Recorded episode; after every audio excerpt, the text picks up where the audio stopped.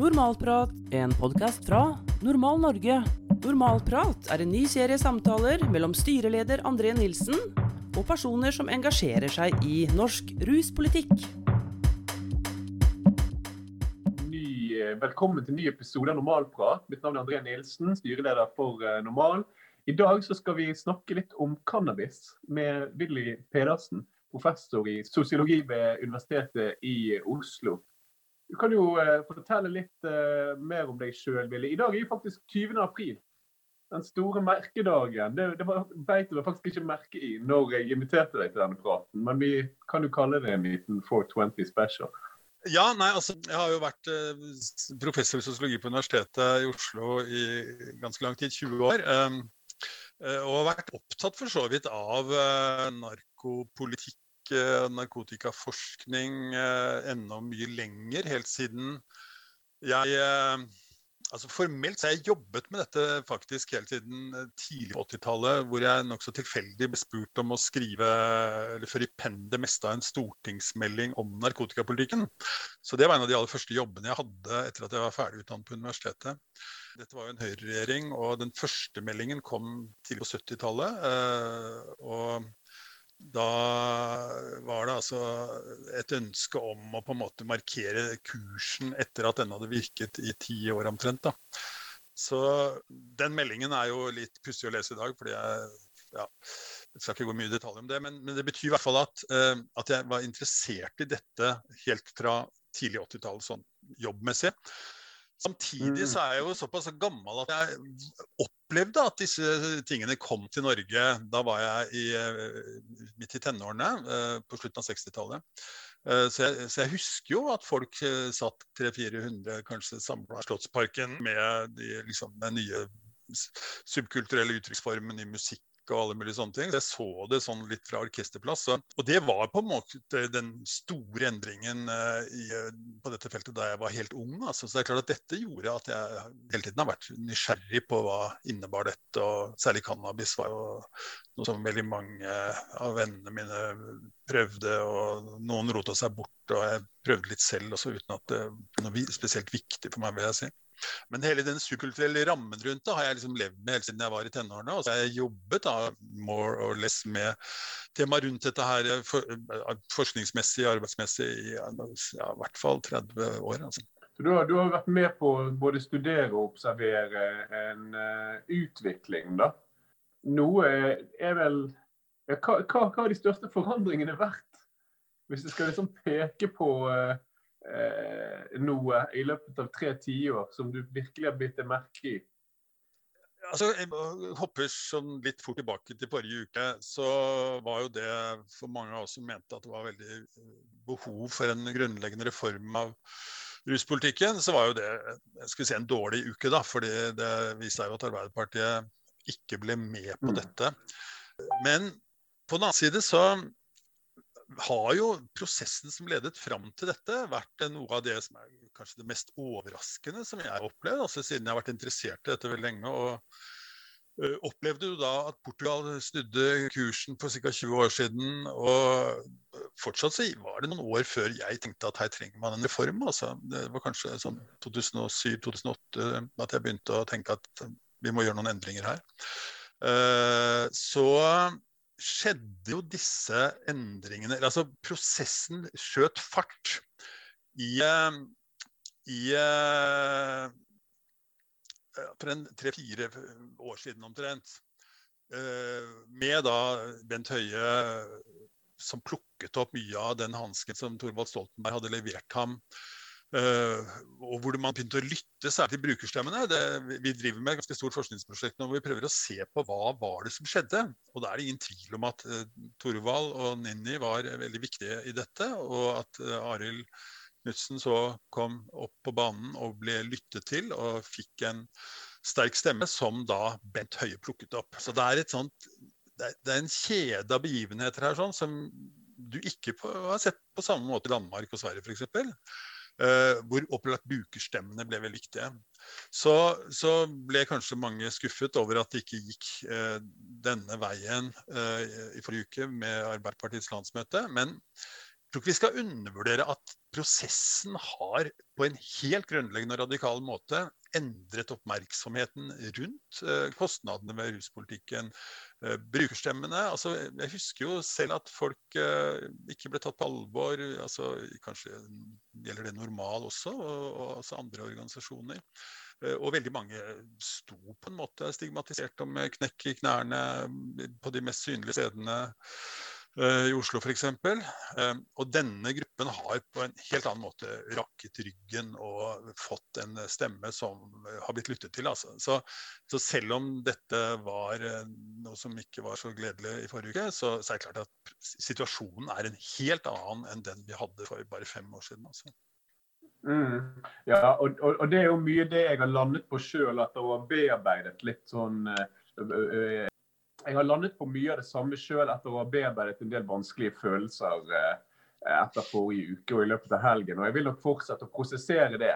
Men vi, vi har jo kommet langt. sant? Eh, og eh, jeg, jeg, tror skuffelsen handlet mye om at man hadde noen forventninger til at, til at Arbeiderpartiet skulle være eh, hva skal jeg si, på, på, på vår side. da når det gjaldt denne debatten, og lytte til brukerstemmene og slutte å videreføre en politikk som, eh, som, som skader og stigmatiserer.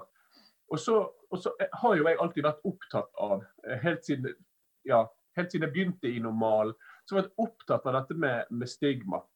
Um, faktisk så begynte jeg på sosiologistudiet for en, ja, 12-13 år siden, men droppet ut uh, i, uh, i lys av at jeg ble innkalt til førstegangstjeneste.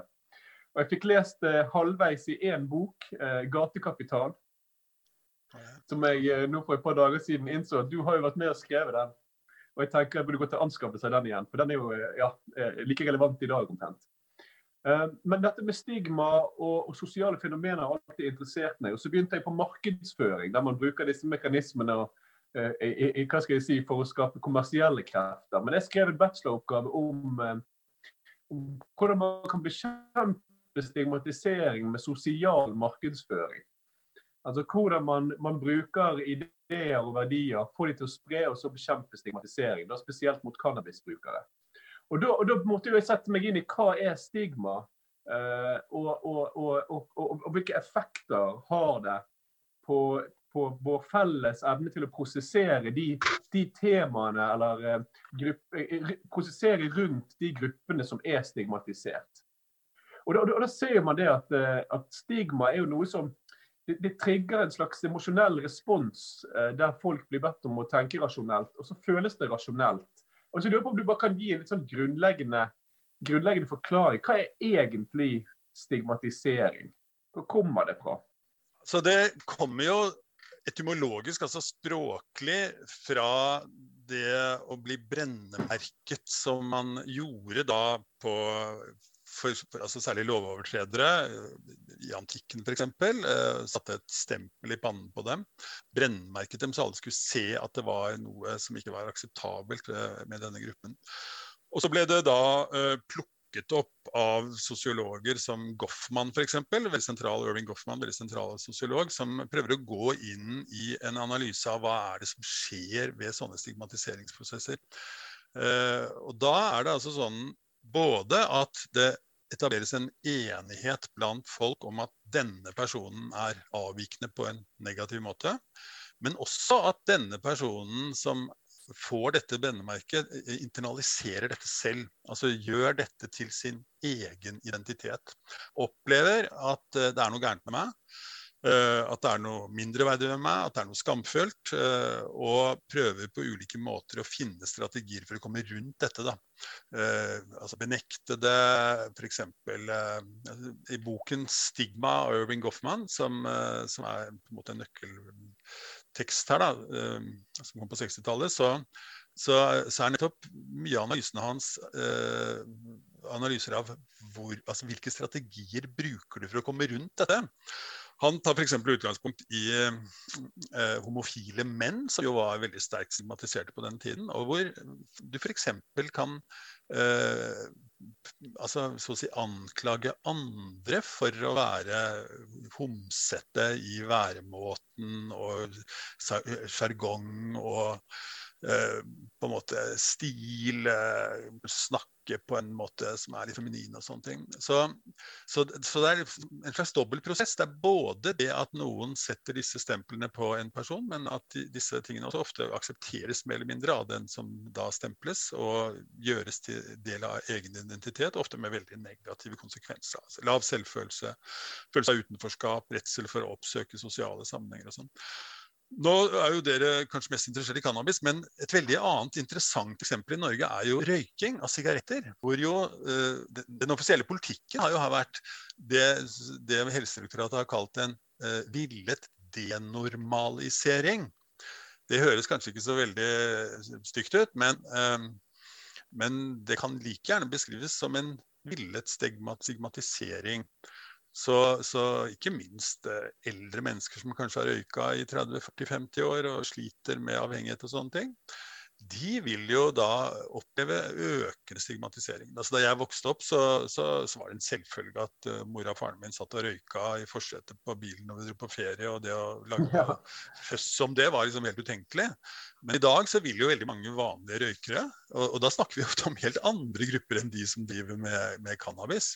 Eldre mennesker kanskje, som er, som er for dem å legge dette fra seg, de, de vil oppleve seg som stigmatiserte. Synes det er skamfullt å tenne seg en røyk utenfor et sykehus f.eks., hvor dette er totalt forbudt. Men hvis du ligger inne og er avhengig, så, så, er det jo, så er det ekstremt krevende selvfølgelig å være pasient i mange dager uten å ta seg en sigarett. Mm. Så, så, så, dette er noe du ser på en, en, rekke samfunnsområder, men selvfølgelig også i veldig høy grad på hele narkotikafeltet. Da. Ja.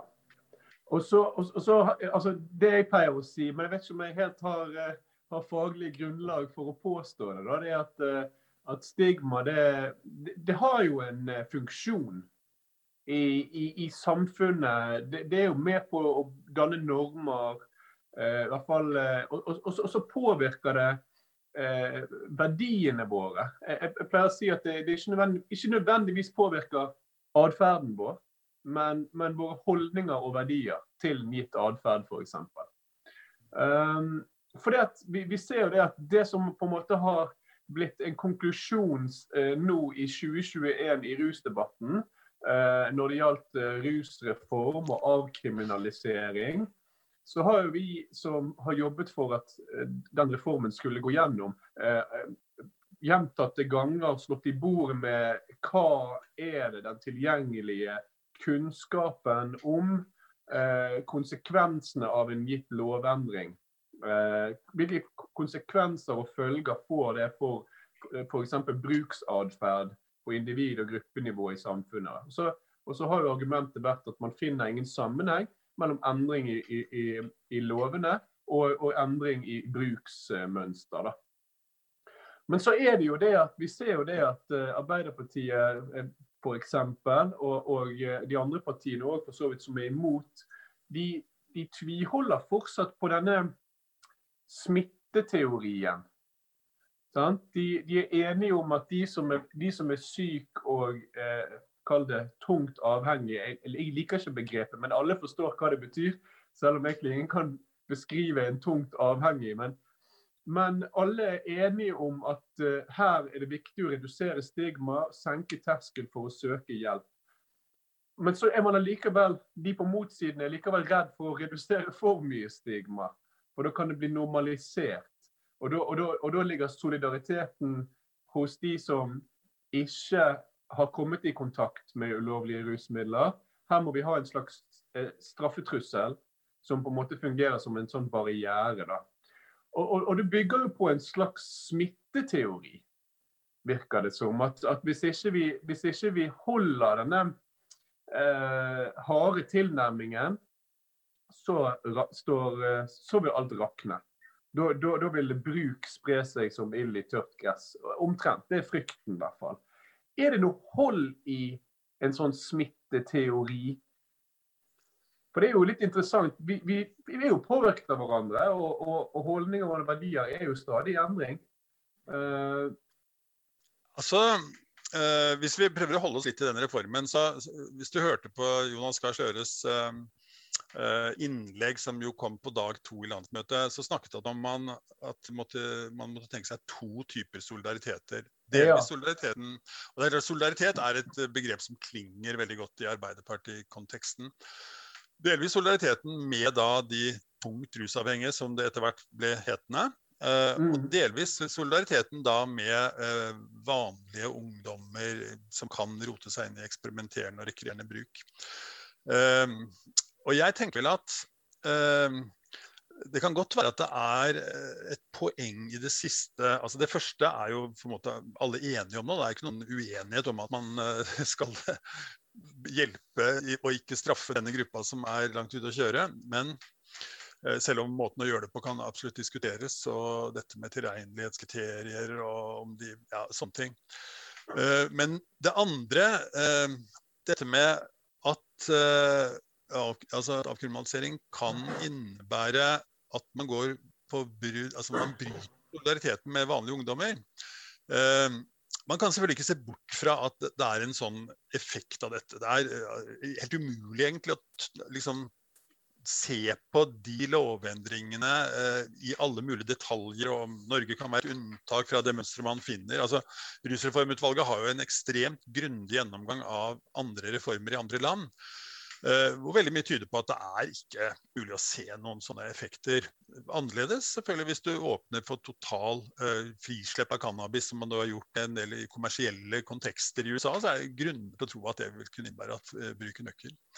Så spørsmålet er nok mer om det forslaget rusreformutvalget legger opp til, og som regjeringen sluttet seg til, da, med et annet system, altså hvor du Portugal-inspirert system, hvor du tar dette sanksjonssystemet bort fra politiet, men fortsetter å la politiet så å si være førsteledd i dette systemet. Men eh, at politiet da skal ta disse ungdommene som har prøvd seg på disse tingene, eller, eller de voksne for så vidt, også eh, inn i en sånn enhet som denne kommunale rådgivningsenheten er. Eh, og jeg mener jo at Og politiet skal beslaglegge ulovlig stoff og, og ja, på en måte be om at foreldre ledsages for mindreårige osv. osv. Um, uh, man la inn i prosessen også et gebyr hvis du ikke møter. og uh, man kan selvfølgelig også fra, man kunne fra Arbeiderpartiets side sagt at ok, i prinsippet er vi for dette, men vi vil på en måte styrke oppfølgingen. Skal, mm. de ungdommene som kommer inn her, de må, liksom, de må, sørge for at hvis de har problemer, så må vi på en måte holde tak i dem. Eh, man kunne på Arbeiderpartimaner laget en tydeligere velferdsstempel på dette. Styrket det barnevernfaglige elementet i disse rådgivningsenhetene osv. Jeg tror at eh, for å si det sånn, jeg tror at hvis Jonas Gahr Støre hadde jobbet med dette helt siden Rusreformutvalgets innstilling kom, og de hadde et sånt konstruktivt forslag til en videre justering altså eh, sagt seg enig i Høyres grunnprinsipper, men prøvd å sette Arbeiderpartistempelet på det som skulle skje med disse ungdommene som han er opptatt av solidariteten med, eh, så tror jeg nok at han kunne lagd et veldig godt argument for det. altså. Eh, så, og, og, det kunne man selvfølgelig da tenkt seg hadde like sterk avskrekkende effekt for bruk som da at politiet skulle ta hånd om det. Så jeg oppfatter at det er her på en måte det kritisk ligger. Er det å, at politiet mister noen fullmakter, inne, innebærer det i praksis frislipp? Som igjen da vi får tolke som legalisering og sånne ting. Eh, det er, eh, det er jeg ytterst tvilende til. Så det tenker jeg liksom den videre prosessen er sånn, så burde man kanskje prøve å legge vekt på dette og prøve å få Arbeiderpartiet til å legge opp til en slags reelt solidarisk politikk som hviler i eh, helse- og sosialsektoren, velferdssektoren, ikke i eh, strafferettssystemet. Eh, og hvis de nå skal prøve å finne et alternativ her, sånn, så tror jeg de kommer til å komme opp i kjempestore problemer med denne differensieringen mellom tungt rusavhengige og andre. Så altså, Som et praktisk verktøy, særlig for politiet ute på gata. Altså, vanlig, det er masse flinke politifolk, jeg har diskutert disse tingene med mange av dem. og blir flinkere politifolk i dag enn det var for 20 eh, og 30 år siden. Men, men, det, men, det er, men, det, er, også tvilsomme ting. Altså Norsk Narkotikapolitiforening har jo hatt neglisjert, mener jeg, de hjemlene de i realiteten har. Uh, men man kan ikke forvente at en vanlig politimann som har gått uh, tre år på Politihøgskolen eller uh, noe sånt, skal liksom klare å foreta disse veldig kompliserte avveiningene, og, som har store strafferettslige implikasjoner. Sluse noen inn i helse og sosial, og kjøre de andre inn i det strafferettslige systemet. Jeg er nokså sikker på at eh, Lovavdelingen i Justisdepartementet, som antageligvis må se på dette, vil konkludere med at det er ikke godt grunnlag for dette. Eh, så vi får se hva som skjer etter valget hvis det blir en rød-grønn regjering. Men jeg vil tippe at de på dette forslaget, som jo særlig Senterpartiet står knallhardt på, men som Arbeiderpartiet sluttet seg til, så kommer de opp i så store lovtekniske problemer at det, dette ikke vil kunne innebære en uh, vei ut av det. Jeg syns den gamle riksadvokatens uh, vurdering av dette her sånn virket veldig shaky. og stusser også veldig sterkt på at han faktisk gikk såpass tydelig ut mot den nåværende riks, regjering, eh, riksadvokaten, som jo har en annen oppfatning. Mm. Ja, det var dette med politiets hjemler. Det blir spennende å se hvordan den debatten fortsetter, og hva som kommer ut av eh, gransking og videre oppklaring rundt hva politiet egentlig har lov til, uavhengig av rusreform eller ikke.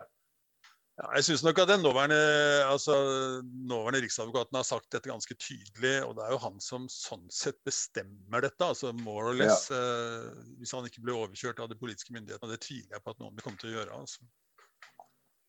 Nei, det blir, det blir, interessant å følge debatten videre. Den kommer til å fortsette. Det er det jo ingen tvil om.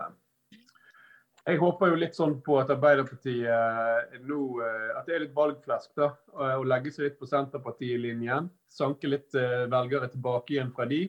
Og så kommer man til realiteten, sånn som mange partier gjør når de får makten, hvis de får makten. er At man blir realitetsorientert, og så ser man at OK, ja, så måtte vi avkriminalisere for alle likevel, da. Men da har de makten, så da har de fire år på å forsvare det, det, den, den, beslutningen, holdt jeg på å si. Eller, eller det brutte valgløftet, da, for å kalle det det. Så vi, vi får se. Jeg, jeg, det blir spennende i hvert fall. Jeg, jeg, tenker eh, vi må snakke litt mer om cannabis. Det er jo, en, eh, det er jo noe vi normalt jobber med.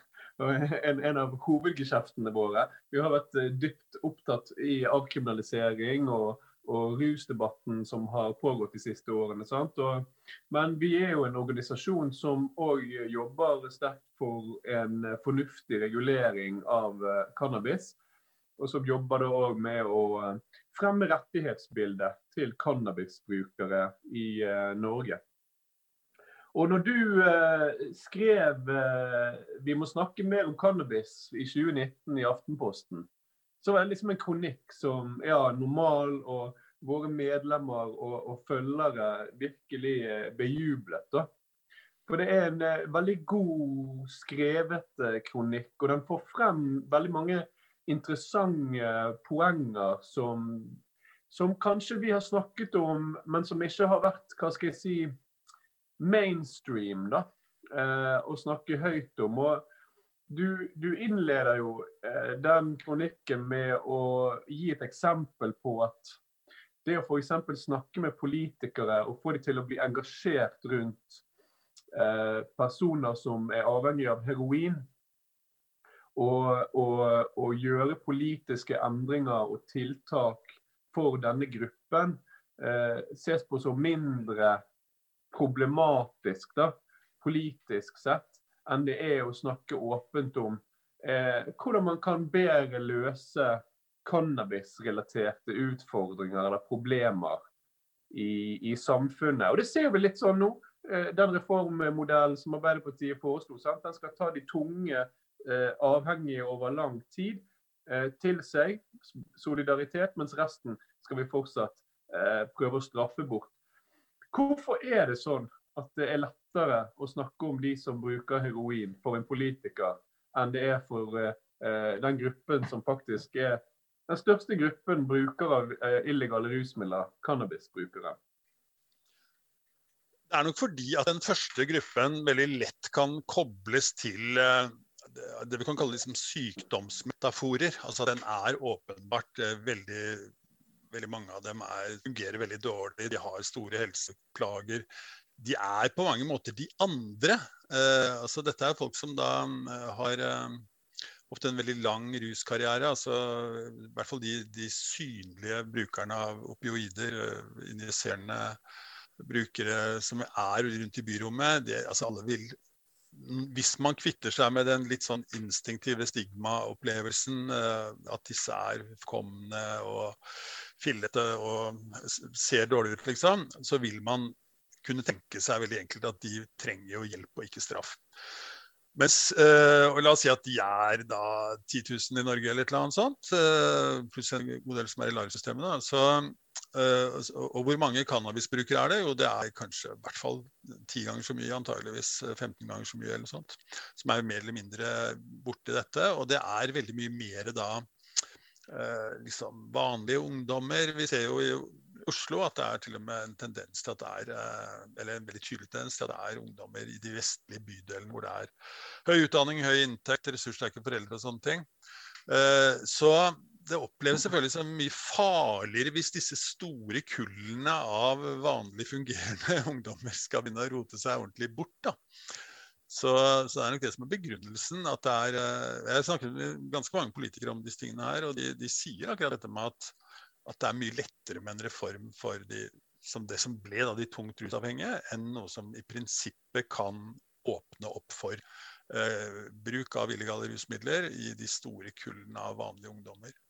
Så det er nok nokså sikkert det. Og, denne gruppen er jo heller ikke mulig å snakke om som pasienter og syke og sånne ting. Så det er, eller mange av dem i hvert fall. Så det er, det er jo da nettopp det å øke på en måte tilgjengeligheten eh, tror mange, da, selv om ikke det praksis kanskje vil, vil, ha så store konsekvenser, for en gruppe av unge mennesker som skal inn i det voksne livet. Og ungdom er alltid liksom Om det gjelder seksualitet eller om det gjelder hva som helst annet, så er ungdom noe man er selvfølgelig veldig opptatt av å beskytte. Altså.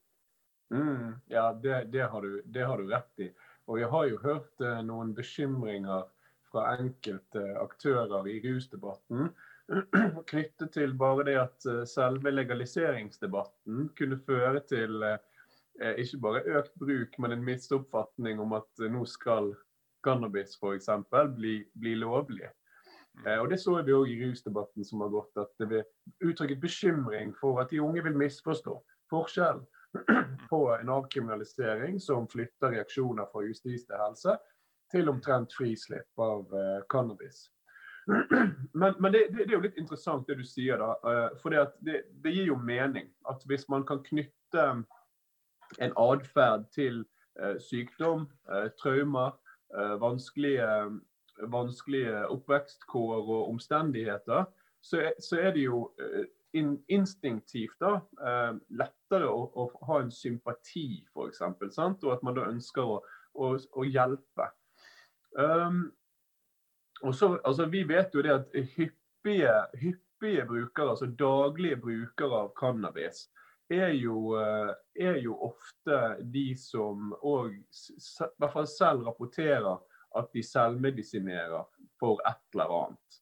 Eh, enten det er angst eller søvnproblemer eller eh, PTSD, så, så oppgir de at det, at, det, at, det en, at det, har en sånn selvmedisinsk grunn da, til at man bruker såpass ofte.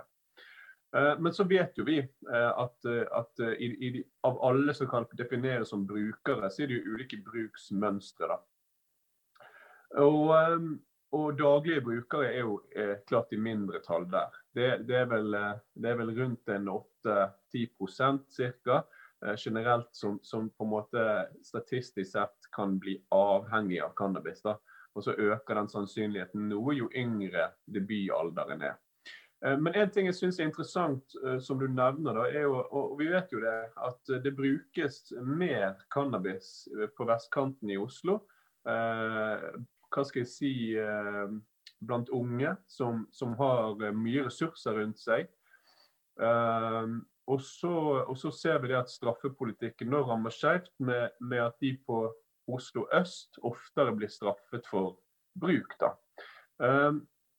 Men det jeg ofte hører, da, eh, og selv om jeg vet at det på en måte ikke er sannheten nødvendigvis, så, så hører man ofte den bekymringen, da, spesielt fra mennesker som jobber tett opp mot vanskeligstilte, uh, unge eller voksne. Så er det alltid sånn cannabis. Det begynte med cannabis. Alle biter seg merke i at disse her brukte cannabis i tidlig Eh, alder, og at, og at, cannabis er på en måte inngangen til et slags narkohelvete. da. for å si det sånn. Hva kommer den oppfatningen av? og jeg kan først si litt om det, så kan jeg også si litt om uh, det altså de funnene vi gjorde når vi faktisk intervjuet en veldig stor gruppe cannabisbrukere i Norge, folk som var ganske jevnlige brukere, fordi det var ja. ganske overraskende ting på det. Altså. Men det første er jo knyttet til det du kaller gateway-hypotesen, som ble veldig populær eh, i Norge, nei, altså i hele verden på 1970-tallet. Fordi det så ut til at cannabis var en sånn gateway, en port inn til tungt eh, illegalt uh, misbruk. Tyngre stoffer som kokain og uh, opioider, amfetamin og sånne ting. Eh, men i dag så ser du veldig lite referanser til akkurat dette. Fordi det første man så, var jo at eh, det var f.eks. Eh, en like sterk sånn gateway-effekt av sigaretter f.eks. Eller mye bruk av alkohol. Sånn at du ser at blant dem som bruker veldig mye alkohol tidlig i alder, så er det en veldig stor andel som også prøver cannabis. Så kan man si noe med tidsrekkefølgen her, sånn, slik at eh, alkohol typisk er, eh, kommer før cannabis. Eh, men ja, det fall, dette var veldig mye sitert for 20-30 år siden i forskning. Nå finner du veldig få forskere som mener at det er en sånn mekanisk sammenheng. Du finner også at de som går videre, ofte har rekke andre kjennetegn. Eh, de har eh, problematiske familieforhold, de har trøbbel på skolen, de har drevet med mer eh, atferdsavvik, lovbrudd osv. Så så, sånn at det å liksom, peke mot cannabisens helt unike rolle i disse veldig komplekse mønstrene, det er komplisert for det første. Og for det andre så er det klart at så lenge cannabis er illegalt, og du må inn i et eller annet mer eller mindre illegalt system for å få tak i det, så er jo det også noe som da uh, vil ha en veldig stor betydning her. sånn. Så, så jeg vil si at uh, hele den ideen om uh, fra hasj til heroin til helvete, som sto veldig sterkt på, på 70- og inn på 80- og inn på 90-tallet, den har nok veldig lite for seg, i hvert fall den mekaniske utlegningen den har hatt uh, ganske lenge. Men jeg syns også jeg ser mye mindre referanser til den nå. Altså, selv om du har nok rett i at det er en del som tenker litt på den måten. Men det viktigste ved den i dag vil jeg nok si at skal du se ordentlig på dette, så bør du se på de delstatene i USA, Canada, kanskje Uruguay, hvor man har har faktisk åpnet for regulert legal omsetning finner du det samme der. Og min, nå har jeg sett så veldig Det er jo også forholdsvis kort tid siden dette skjedde først i, i Colorado, Washington eh, State i USA. Da, så jeg vet ikke om de har gode studier på det, men jeg vil tippe at det er mye mindre av den sammenhengen i, i, under disse, disse typene eh, regimer. Altså. Men skal jeg si litt om eh, hvem cannabisbrukerne er? Dette er vel dere interessert i? Ja, ja, ja. Ja, nei, altså Normalt må det være interessant. Og som jeg sa i stad, så var det sånn at jeg så denne gruppa på ganske nært hold. Eh, og var kanskje sånn helt ytterkant av den selv på slutten av 60-tallet. Så jeg, jeg, husker liksom stilen veldig godt. da, altså Musikken, eh, folk som samla seg med litt sånne saueskinnspelser om høsten og gitar, og noen dro til eh, India for å meditere. og liksom Hele den der superkulturelle hippieaktige pakka, den var på en måte noe av de sterkeste inntrykkene. og liksom Litt venstrevidd politisk og kritikk av USAs krigføring i Vietnam og sånt. Altså Cannabis kom seilende inn med dette. Uh, hadde de kommet på 50-tallet, altså med Elvis, som jo var en mye mer konvensjonell type f.eks., eller på 70- eller 80-tallet, så ville det kanskje vært en helt annen fortelling. altså. Så spørsmålet vårt uh, da jeg begynte å jobbe med dette, å se på det Vi intervjuet et veldig stort utvalg, altså en kvalitativ studie med over 100 deltakere. Som vi gjorde sånn uh, Sveinung Sandberg, jeg som var professor i kriminologi, som vi gjorde på sånn ca. 2010. sånn at dette er jo allerede noen år siden, men det var i hvert fall da eh, var det altså 40 år etter at disse folka samla seg i, i Slottsparken. Så det som var mest overraskende, reiste, reiste vi land og strand rundt, og det var folk som hadde røyka en del hasj. Vi var ikke interessert i folk som hadde røyka bare fem ganger, liksom, men folk som hadde røyka mm. over en, en, god del, liksom. Mer enn 100 ganger over noen år, liksom. Så vi fikk tak i et sånt utvalg. Med litt sånn komplekse modeller. Sånn snowball sampling kalles dette liksom, i sosiologien. Og, og, intervjuet folk helt fra liksom, Lindesnes i sør til Finnmark i nord, og en god del i Bergen, hvor du, du har vokst opp, da, og Oslo-regionen og rundt omkring. Ganske, ganske uvanlig stort og sterkt utvalg til å være en kvalitativ studie. Og Det første som slo meg når vi begynte å gå eh, Nå intervjuet jeg mange sjæl også, men, eh, men, også når vi begynte å, å gå gjennom intervjuutskriften og så hva folk fortalte om, så var det mest overraskende for meg at det var veldig mye et ekko av de greiene som jeg hadde sett i Slottsparken. Altså, Jeg husket måten å argumentere på, og den der litt sånn frika, venstrevridde stilen, opptatt av litt sånn natur og grønne greier, og at, altså at planten er noe annet enn pulver. og alle mulige sånne ting, da. Så liksom litt sånn eh, venstrevridd, småfrika, kritisk til staten, kritisk til eh, all propagandaen som staten ga folk gjennom skoleverket. Uh, Min stolthet over liksom, at de hadde funnet en uh, litt sånn grønn vei inn i verden på dette feltet og, og sånne ting. da. Så, og eh, til og med en del av de samme begrepene. altså eh, En tjall, eh, liksom stein liksom Sånne ting som jeg husker fra Slottsparken. Liksom. Så, så, det var egentlig det første. Og egentlig ganske overraskende med meg at det er bare en så stabil subkulturell kontinuitet her. altså. Eh, og for eksempel, I denne boka som heter 'Cannabis Culture', så beskriver vi jo ganske mye ritualene, hvordan du røyker og sånn. Altså F.eks. at jointen skal gå rundt. Uh, at du ikke skal sitte og røyke aleine. Altså, hvis folk drikker alkohol, så, så har de jo hver, hver, sin øl eller hvert sitt glass vin eller noe sånt. Men her var det liksom noen sånne, sånne ritualer som, som, du også finner i andre land. Da. Eh, som er knyttet til en sånn eh, ganske robust eh, subkultur som altså, har tydeligvis overlevd da, i 40 år. Altså, som, som, var det første jeg ble ganske overrasket over. Altså. Det er veldig interessant. Og, og når du snakker nå, så, så, prøver jeg liksom å tenke gjennom til eh, For jeg har jo vært en bruker lenge. Nå, nå, er det en stund siden jeg har brukt cannabis eh, jevnlig, men jeg var det eh, gjennom hele 20-årene mine. Og, og, og, det var så mange ulike stadier jeg var på en måte gjennom. da. Eh, og, og, så, og, så, og, så, får det jo meg til å tenke sånn Ja, altså all, alle som eh, altså Statistisk sett, og de som ender, kanskje ender opp med å bruke cannabis daglig, sant? Og, og, finne sin eh, gjerne helt legitime escape i, i hyppig bruk av cannabis, så, så, kommer det jo kanskje av at man har Sånn som meg, da. Jeg, jeg hadde ikke problemer på skolen men jeg hadde jo litt sånn eh, til tider avvikende atferd i forhold til resten eh, av de rundt meg. Jeg, jeg, vokste jo opp på, med hva skal jeg si, med ganske mange ressurssterke rundt meg. Og jeg kommer jo egentlig fra et ressurssterkt hjem sjøl.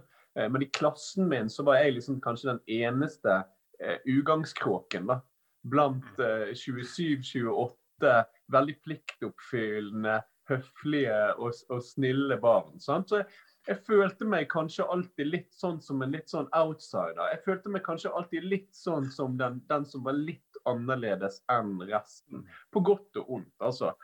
Eh, og så, så, har jeg jo hatt du bare, bare, for å, bare for å hoppe inn, altså, for det er nettopp annerledeshet, tendens til utenforskap. Dette er liksom ikke sånn uh, mainstream. Det, det, er kanskje den sterkeste Eh, fortellingen vi også fikk høre. Altså. altså at det er På den ene siden så er det mange som sa at nå bruker alle cannabis, liksom. Det er helt normalisert.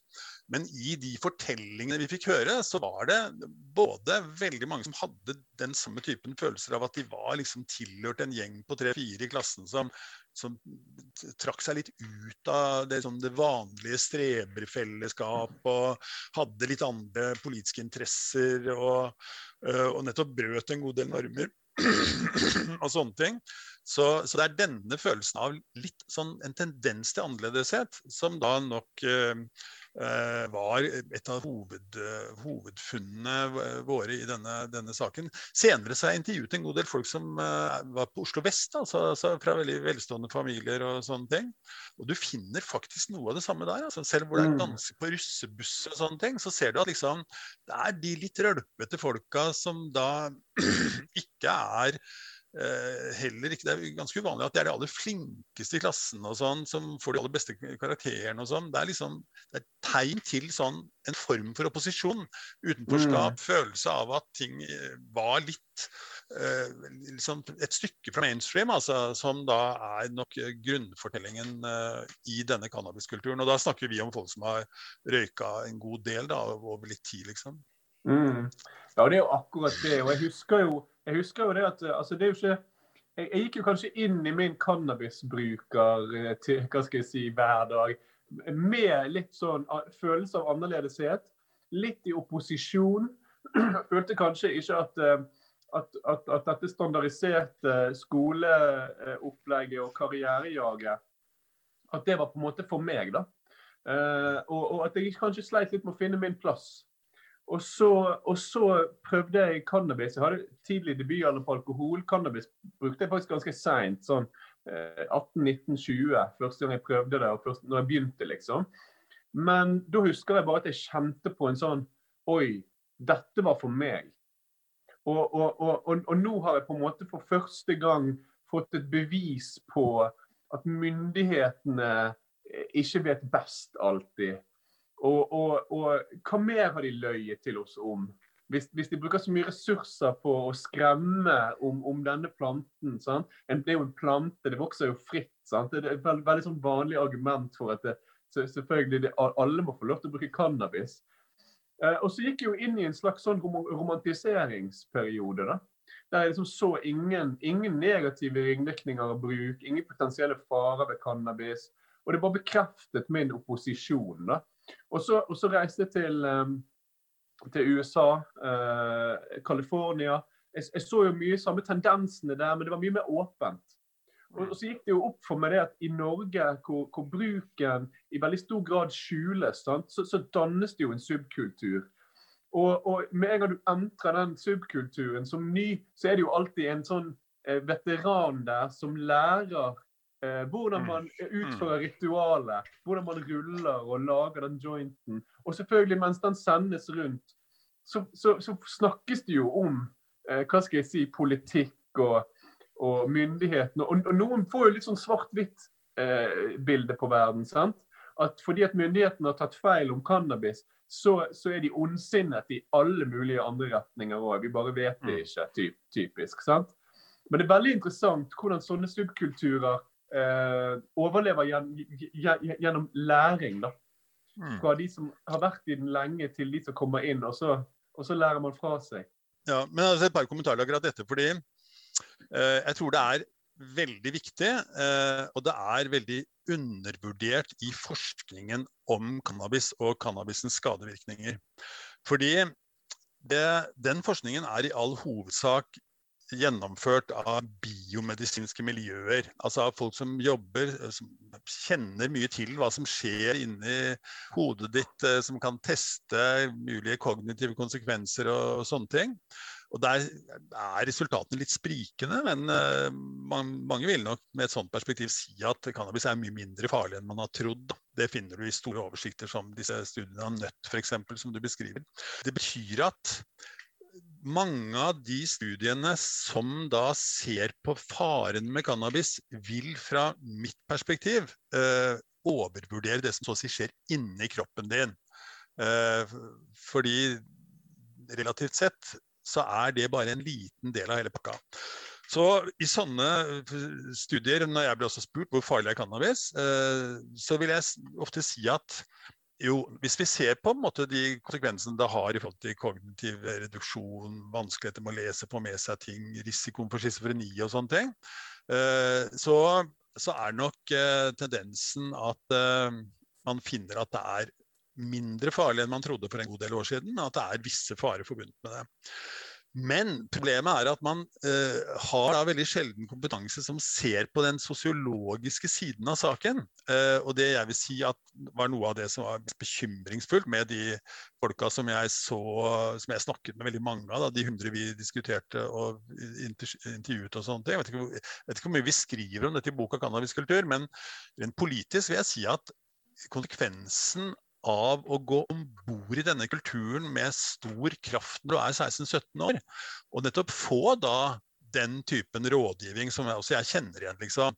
Og det å liksom kjenne denne jublende følelsen av første gangen jointen går rundt, og du tilhører den gjengen i ytterkant av mm. skolegården som da på en måte er de kule og hippe, og som skjønner at det er bare å drite i å få gode karakterer. Det er ikke der hemmeligheten til livets lykken i livet ligger. Og uh, liksom Lærere er jo ofte ganske dustete, og politiet er jo helt på trynet og sånn. Altså, når du går for tungt om bord i denne greia her sånn, og du finner veldig mange liksom, gode begrunnelser, det du kaller nøytraliseringsteknikker, som sier at det er mye farligere å bruke alkohol. Sånn at det å ta en joint en mornings før du går på skolen, det er faktisk ingen som mener at det er noe spesielt farlig i virkeligheten. Mm. Uh, hvis du får for mye av de greiene der sånn, så kan du gå om bord i en sånn kultur som gjorde at uh, Jeg syns jo at ganske mange av de hundre vi snakket med, hadde rota seg ganske mye bort. Altså. Jeg vet ikke hvordan du bedømmer din egen situasjon for noen år tilbake, da, men, eh, og, det er, og, det er, nok en hovedgrunn til at eh, når vi ser på hvordan går det med disse brukerne når de har holdt på i 20-30 år, så ser vi vi har også sånne data, så vi har store longitudinelle studier, så ser vi at hasjbrukere de klarer seg egentlig dårligere enn det man skulle tro hvis du ser Altså, jeg har selv vært mye i California, og når du ser liksom professorer i antropologi eller sosiologi tar seg en joint på terrassen eh, på fredagskvelden istedenfor et glass hvitvin, liksom altså, det, det, er altså, det, er ikke noe farligere det enn å ta seg et glass hvitvin. Men, men hvis dette blir denne veldig sånn altså, jublende opplevelsen av å finne din gjeng når du er 17 år, liksom. Og, hold, og, hvis du holder deg til dem, den gjengen, så er det ikke så veldig rart at du har høyere risiko for å være Uh, altså gå på sosialhjelp, være trygdet osv. Uh, ikke få det til å funke i arbeidslivet og sånne ting. Så, så, jeg vil si at denne superkulturen er nok veldig viktig. Og hvis jeg skal gi da et uh, råd til mange av normals uh, lyttere her, sånn, litt sånn bestefaraktig, så er det at du skal liksom være veldig forsiktig med å gå all in i den kulturen. Altså, fordi den, eh, den gir deg noen preferanser og verdier og begrunnelser for at det ikke er så jævlig farlig å røyke daglig og sånne ting, som, eh, som, ikke, som ikke, tjener deg veldig godt. Altså. Så take a bit care i forhold til akkurat de tingene. Og så er jo det store spørsmålet hva skjer hvis man da får en regulert eh, omsetning av cannabis på samme måte som man mm. eh, har i kanskje særlig Uruguay, da, som har kommet lengst her, vil jeg si. Eh, vil du da Litt sånn vinmonopolmodell. Vil du da slippe denne pakka her sånn? Det er, eh, det er, jo det store interessante spørsmålet som vi kanskje vet mer om i løpet av noen år. Da. Men jeg vil kanskje tro det. Så jeg tenker jo at uh, det kunne være interessant å prøve å foreta noen sånne eksperimenter i Norge. Da, med veldig strengt regulert omsetning, men legalt utenfor det illegale systemet. Og se hvordan det kunne uh, utvikle seg. Du har hørt på Normalprat. En ny serie samtaler mellom André Nilsen og personer som engasjerer seg i norsk ruspolitikk.